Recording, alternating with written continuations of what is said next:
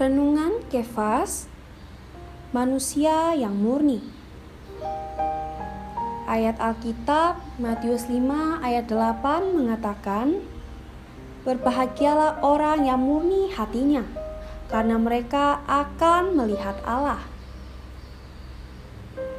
Murni emas pasti banyak yang mengingini. Kemurnian air juga banyak orang yang mencari. Bagaimana dengan kemurnian hati manusia? Murni adalah tanpa campuran. Di dalamnya tidak ada kadar yang mengotori atau mencampurinya. Allah hanya menginginkan hati kita. Semua hal lain yang menduduki hati kita harus segera disingkirkan dan diremukan olehnya.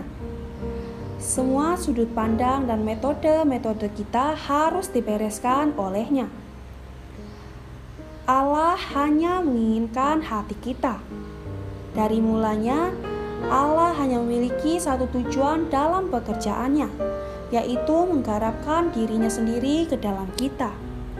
Karena alasan inilah, maka Allah harus mendapatkan hati kita. Sobat Kefas, jika manusia tidak menampung Allah, eksistensinya sebagai manusia tidak ada artinya. Manusia secara khusus diciptakan untuk dipakai oleh Allah. Apakah pernah kamu bertanya mengapa orang yang murni hatinya sering kali tidak makmur, tetapi orang yang tidak murni hatinya selalu makmur? Jawabannya adalah karena kemurnian hati kita membuat kita melihat bahwa Allah lah yang paling mustika dibandingkan dengan apa pun terang hari ini? Pertama, perlukah kita murni di hadapan Allah?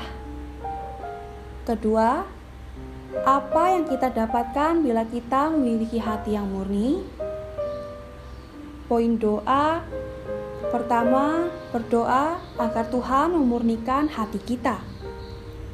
Kedua, berdoa agar melalui kemurnian hati kita mendapatkan Allah.